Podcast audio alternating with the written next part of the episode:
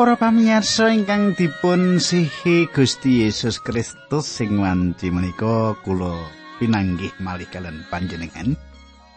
Kula pendeta pujianto sawetawis menika badhe sesarengan kalian panjenengan ing adicara margi utami. Adicara ingkang mligi kangge panjenengan ingkang remen gegilut, remen sinau kayektosan kayektosan kitab suci. Awis saking menika monggo panjenengan nyaket kalian kula mriki sugeng midhangetaken adicara menika.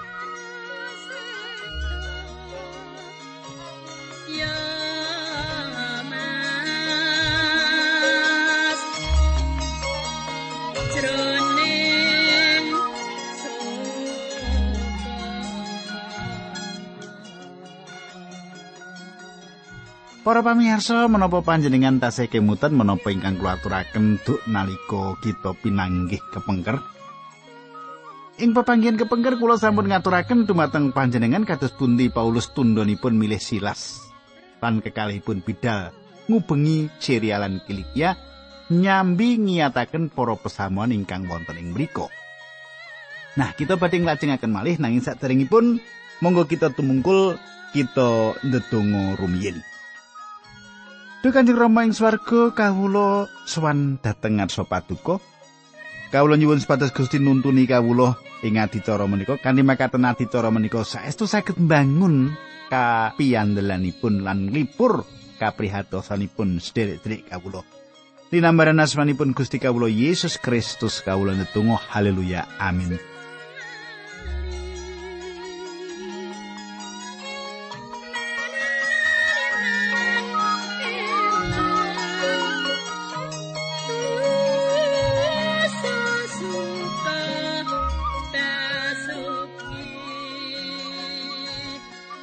Para pamirsa samenika pasinaon kita sampun lumebet ing kitab Para Rasul bab 16. Kula badhe maosaken ayat setunggal lan kalih ingkang makaten suratipun.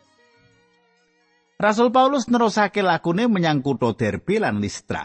Ing kono ana wong pracaya jenenge Timotius.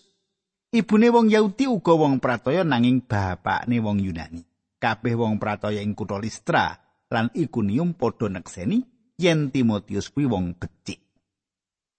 Kadang Paulus kepanggih kalian Timotius. Paulus tepang kalian ibu lan mbahipun lan Paulus nuntun nem-neman menika dumateng Sang Kristus ing salebetipun anggenipun mlampah nggelaraken Injil ingkang kawitan. Dados wekdal semanten Paulus beto Timotius nyarengi lampahipun. Rombongan menika anggotanipun inggih menika Paulus, Silas, Soho, Timotius. Ayat 3 Rasul Paulus kepengin supaya Timotius mau dadi kantine, mulane nulis ditetaki sebab saben wong wis ngerti yen bapakne Timotius kuwi wong Yunani.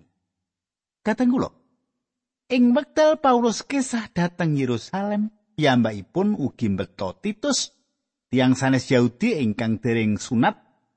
Paulus sing wekdal semanten dereng gadah kekajengan nyunat Titus, nanging samenika Paulus mbeta Timotius supados nyarengi anggenipun ngelaraken Injil supados Timotius dados mitranipun. Paulus gadah kekajengan Timotius kesah lan nyuwanaken tiang supados pitados dumateng Sang Kristus. Anggenipun nyunat Timotius supados mangke mboten dumados debatan utawi wonten tiang ingkang runtik manahipun ing tengah-tengah peladosanipun. Anggenipun nyunat Timotius mboten supados pikantuk ganjaran, nanging awit Paulus mboten kepingin perkawis mboten dipun sunatipun Timotius menika dados gosip ingkang kedawa-dawa. Inggih menika ingkang dipun raosaken Paulus. Sunat menika dipun tindakaken atas Timotius supados peladusan Timotius kalian teng Yahudi mboten wonten pepalangipun. Cetha nggih? Nah, kula lajengaken ayat papat an gangsal. Ing saben kutha sing ditekani Rasul Paulus ngandhakake marang pesamuan-pesamuan bab keputusan-keputusan sing wis ditetepake dening para rasul lan para pinituwa ing kutha Yerusalem lan ngatak supaya putusan-putusan mau padha ditetepi. Srana mengkono pesamuan-pesamuan mau imane disantosake lan cacahe wargane saben dina terus mundak-mundak. Katanggulo Paulus gadah peladusan ingkang ageng wonten ing Galatia. Paulus mboten namung nuweni gereja-gereja ingkang sampun dipun edekaken ing wekdal anggenipun lumampah ngelaraken Injil ingkang kawitan, nanging tiang kata ing papan-papan sanes sami mertobat dumateng Sang Kristus. Gereja-gereja nembe dipun edekaken lan tambah-tambah jiwa kata ing saben dintenipun. Kadang kula mbingahaken nggih. Nah, kula lajengaken ayat 6. Sarene Sang Roh Suci ora marengake Rasul Paulus sekancane ngabarake Injil ana ing wilayah Asia Cilik. Wong telu mau nuli padha ndelajahi tanah Pirgia lan Galatia. Kadang kula Paulus saged ugi gadah rancangan ngawontenaken lelampan ing Asia Alit. Daerah Asia Alit menika satunggalipun daerah ingkang pedet pendudukipun ing jaman semanten lan dados punjering saking budaya Yunani. Menika satunggalipun daerah perdagangan ingkang ageng, satunggalipun daerah politik ingkang jembar, satunggal daerah pendidikan ingkang misuwur. Nanging Sang Roh Suci gadah penggalih sanes lan boten ngidinaken rombonganipun Paulus menika nggelaraken pangandika ing Asia. Nah kadang kula kula lajengaken ayat pitu. Bareng padha tekan tapel wates Hemesia, wong-wong mau padha nyoba arep mlebu ing tanah Bitinia nanging roy Gusti Yesus ora marangake. Kadang kula namung wonten satunggal arasane singkang dereng dipun lampahi lan daerah menika mapanipun wonten sisih kilen. Inggih menika ingkang dipun ngendikaken Sang Roh Allah dumateng Rasul Paulus. Dados Paulus terus melampah dateng arah kilen ngantos piyambakipun dumugi ing Troas. Piyambakipun kedah mandek wonten ing mriku awit saking mriku Paulus mbetahaken kapal supados saged nglajengaken anggenipun lumampah. Nah kateng kula ayat 8 mulane wong-wong mau nuli padha nerusake lakune menyang kutha Troas metu tanah Mesir. Kadang kula panjenengan gatosaken ayat menika. Sang Roh Allah sawek nuntun Paulus. Piyambakipun namung perlu ngentosi. Dipun betahaken satunggalipun gerakan ingkang ageng ingkang nuntun Paulus medal saking Asia lan nuntun lumebet ing Eropa. Ayat 9. Bengi kuwi Rasul Paulus pirsa tetinggalan ana ing Makedonia ngadeg karo kondo. Kula aturi rawuh dhateng tanah Makedonia lan nulungi kula sedaya. Kadang kula inggih menika timbalanipun Paulus kesah dhateng Makedonia. Paulus sing wekdal semanten nembe wonten ing Asia. Pawartos Injil badhe nyebrang saking Asia tumuju Eropa. Sang Roh Allah nuntun dateng arah menika. Kita lajengaken ayat sedoso. Bareng Rasul Paulus oleh wahyu mau, aku padha duwe panemu yen Gusti Allah nimbali aku sak kanca supaya ngabarake Injil marang wong-wong Makedonia, aku nuli padha tata-tata banjur mangkat menyang tanah Makedonia. Panjenengan gatosaken pangandikan menika. Panjenengan gatosaken bilih dipun ngendikaken aku nuli padha tata-tata banjur mangkat. Menika jalaran dokter Lukas samenika gabung kalian rombonganipun Paulus. Kita gadah nami sekawan ingkang sinebat ing mriki. Paulus, Silas, Timotius lan dokter Lukas. Ayat 11. Aku sak kanca banjur padha mangkat nunggang prau saka kutha Troas nyabrang menyang pulau Samutrake lan esuke nerosake menyang kutha Neapolis.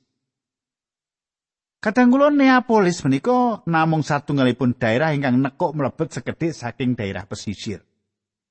Kula lajengaken ayat 11, saka kono aku padha ngener menyang kutha Filipi ya kuwi kutha kawitan ing wilayah Makedonia. Kutha Filipi kuwi kutha sing dinggoni wong-wong Rom. Aku padha nginep ana ing kutha kono sawetara dina. Kadang kula Filipi satunggalipun daerah jajaning Makedonia. Ingkang ateges bilih kutha menika kalebet daerah jajanipun Rom.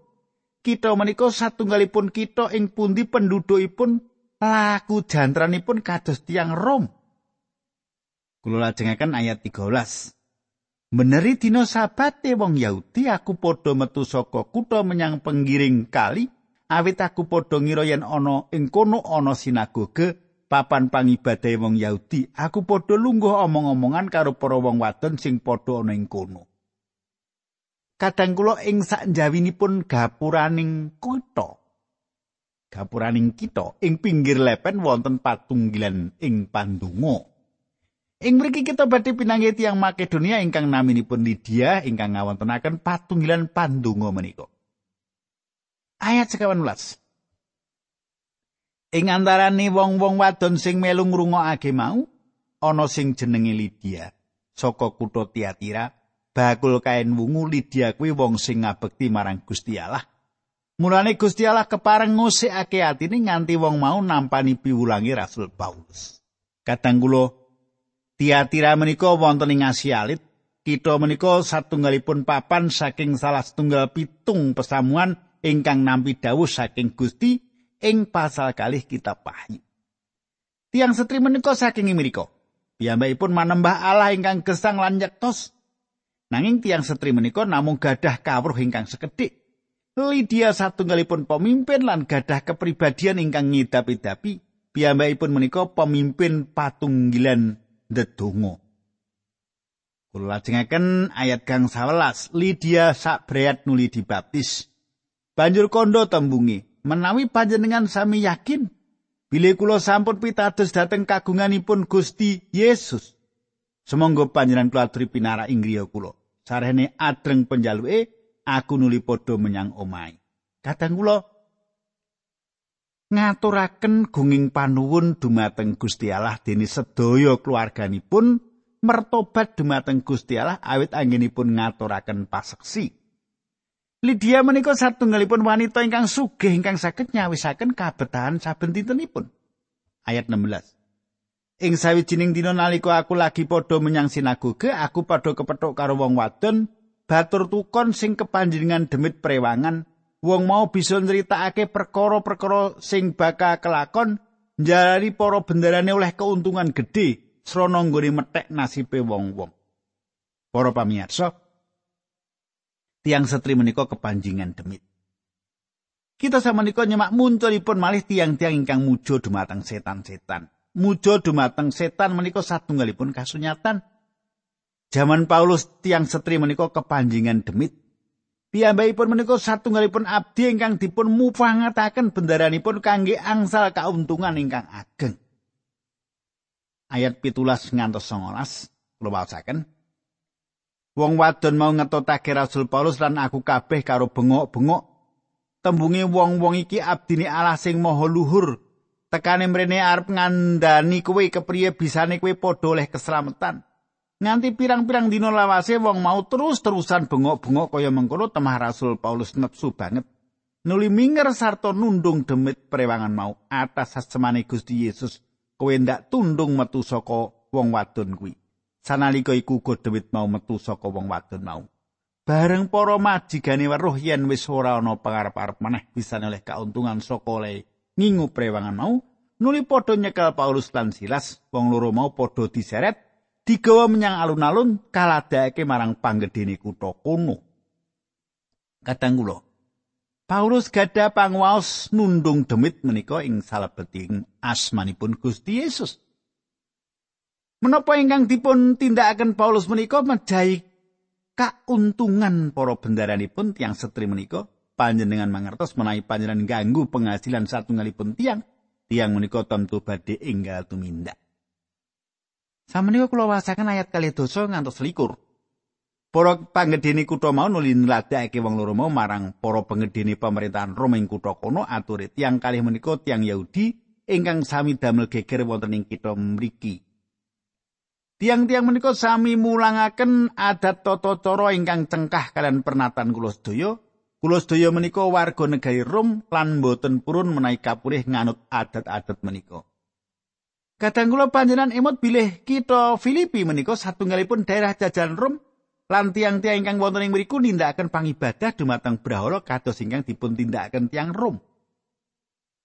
Paulus lan para pandheripun dipun dakwa sampun budidaya ngribah landesan-landesan gesang masyarakat. Ingkang salesipun inggih menika para majikan tiang setri kala kecalan penghasilanipun. Kula lajengaken ayat 23 ngantos 24. Wong akeh uga padha melu-melu ndakwa para pegawe ni kerajaan Rom nuli nyuwek-nyuwek sandangane Rasul Paulus lan Silas sarta akon supaya wong loro mau dipecuti. Sawise kuwi wong loro mau nuli dilebokake ing pakunjaran sarta pegawene pakunjaran diperintah supaya wong loro mau dijogo sing keras. Sarene diperintah mengkono mulane kepala pakunjaran mau nuli nglebokake Rasul Paulus lan Silas ana ing sel pakunjaran sing jero dhewe sikile padha dibelok. Kadang kula panjenengan katosaken. Paulus lan Silas dipun pecuti lan tiang kali menika kalebetaken wonten ing sel pakunjaran. Ayat selangkung Bareng kira-kira tengah wengi, Rasul Paulus lan Silas padha ndedonga lan padha menyanyi, memuji marang Gusti Allah. Wong-wong tahanan liyane padha ngrungokake nggone wong loro mau padha memuji. Kadang kula satunggalipun patrap ingkang ngidap-idapi wonten kahanan ingkang mrihatosaken nanging tiang-tiang menika malah memuji asmanipun Allah. Mboten gumunaken menawi kunci-kunci menika sami wujud. Ayat 16 ngantos 17 para rasul bab 16. Dumadakan ana lindu gedhe nganti pondasine pakunjaran jebol. Lawangi pakunjaran mengo lan rante-rante sing kanggo mlengu wong tahanan padha ucul. Kepalane pakunjaran tangi lan bareng weruh lawang-lawangi pakunjaran mengo, wong mau ngira yen wong tahanan kabeh wis padha mlayu, wong mau ngunus pedangi arep nglalu. Kadang kula monggo kita ngatosaken kahanan kepalanipun pakunjaran menika sawetawis. Piyambakipun tanggal jawab atas kahanan tiang-tiang ingkang dipun kunjoro gitu. Piyambakipun nginten bilih menawi lawangipun pakunjaran mengo lajeng rantai ingkang kangge nyancang tiang-tiang menika pedhot ateges tiang-tiang ingkang dipun kunjoro menika sedaya sampun belajar. Sampun mlayu. Piyambakipun kedah tanggal jawab atas tiang-tiang ingkang melajar saking pakunjaran menika. Awit anginipun boten teliti dados kepala pakunjaran menika jumeneng lan siap badhe lalu. Ayat 23 ngantos tigang dosa. Nanging Rasul Paulus bengok sarusane sampun nglalu Pak kula sedaya tasih sami wonten ing mriki. Kepala pakunjaran uling njaluk lampu lan mlebu ing pakunjaran wong mau kelawan gemeter sumengkem ana ing ngarepe Rasul Paulus lan Silas. Kepala pakunjaran banjur ngajak metu wong loro mau karo kondo, "Bapak-bapak, menapa ingkang kedah kula lampahi supados manggih kawilujengan?" Panjenengan katosaken, Piyambakipun mangertos bilih piyambakipun menika dados tiyang ingkang ijal. Ayat 3 dosa setunggal. Wangsulan Rasul Paulus lan Silas pitadosa dhateng Gusti Yesus. Panjenengan mesti badhe wilujeng inggih panjenengan inggih brayat panjenengan. Kadang kula kados pundi tiyang saged kawilujengaken.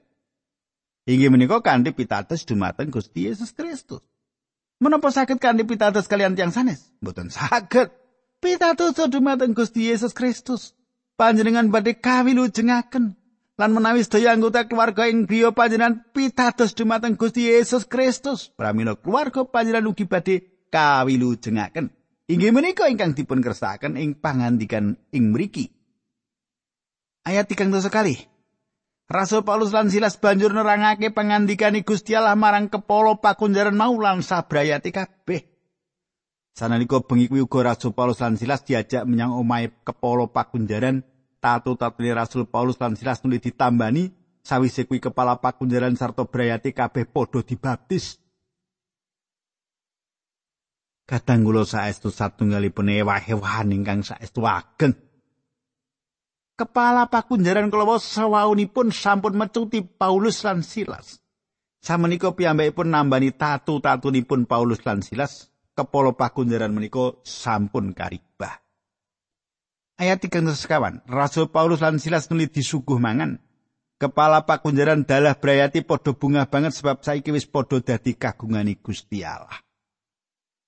Dalu Paulus lan Silas dipun pecuti, dipun lebetaken ing pakunjaran, dipun bebasaken lumantar pitulunganipun Gusti Allah langsung lan samenika dipun sugata tetedan ingkang mewah ing griyanipun kepala pakunjaran ingkang nembe mertobat menika.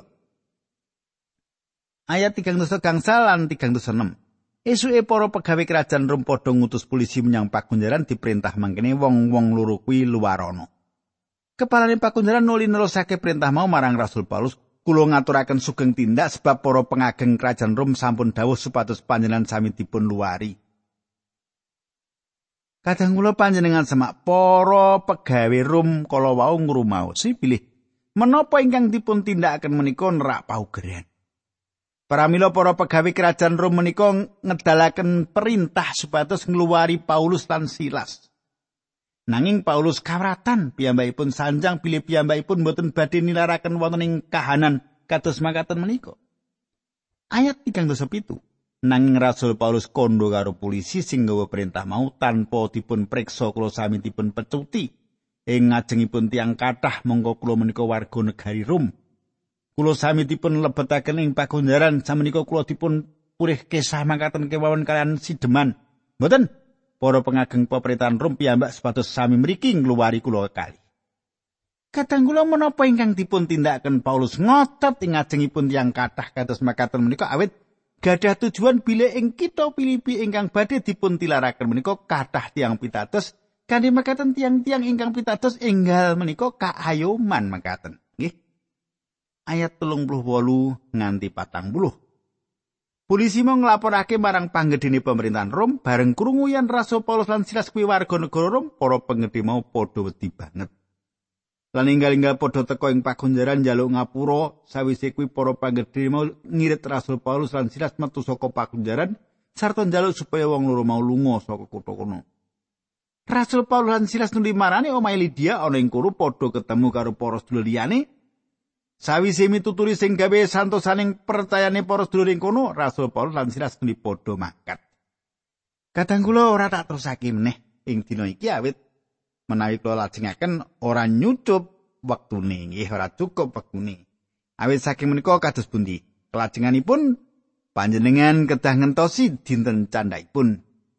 Nah kadang kula Saderengipun kula ndedonga, kula badhe ngaturaken salam rumiyin gitu, salam rumiyin. dumateng Bapak Daimin dusun Tambak Sari nggih Pak Daimin kados pundi serat panjenengan sampun kula tampi nggih Gusti berkahi panjenengan monggo kita tembungkul kita ndedonga Dukan yang romang swarga kawula ngaturaken kuing panuwun nayok dam menika kawula saged tetunggilan saged midhangetaken sabda pangandikan paduka. Kawula nyuwun Gusti berkahi dinambaran asmanipun Gusti Yesus Kristus kawula ndedonga haleluya amin.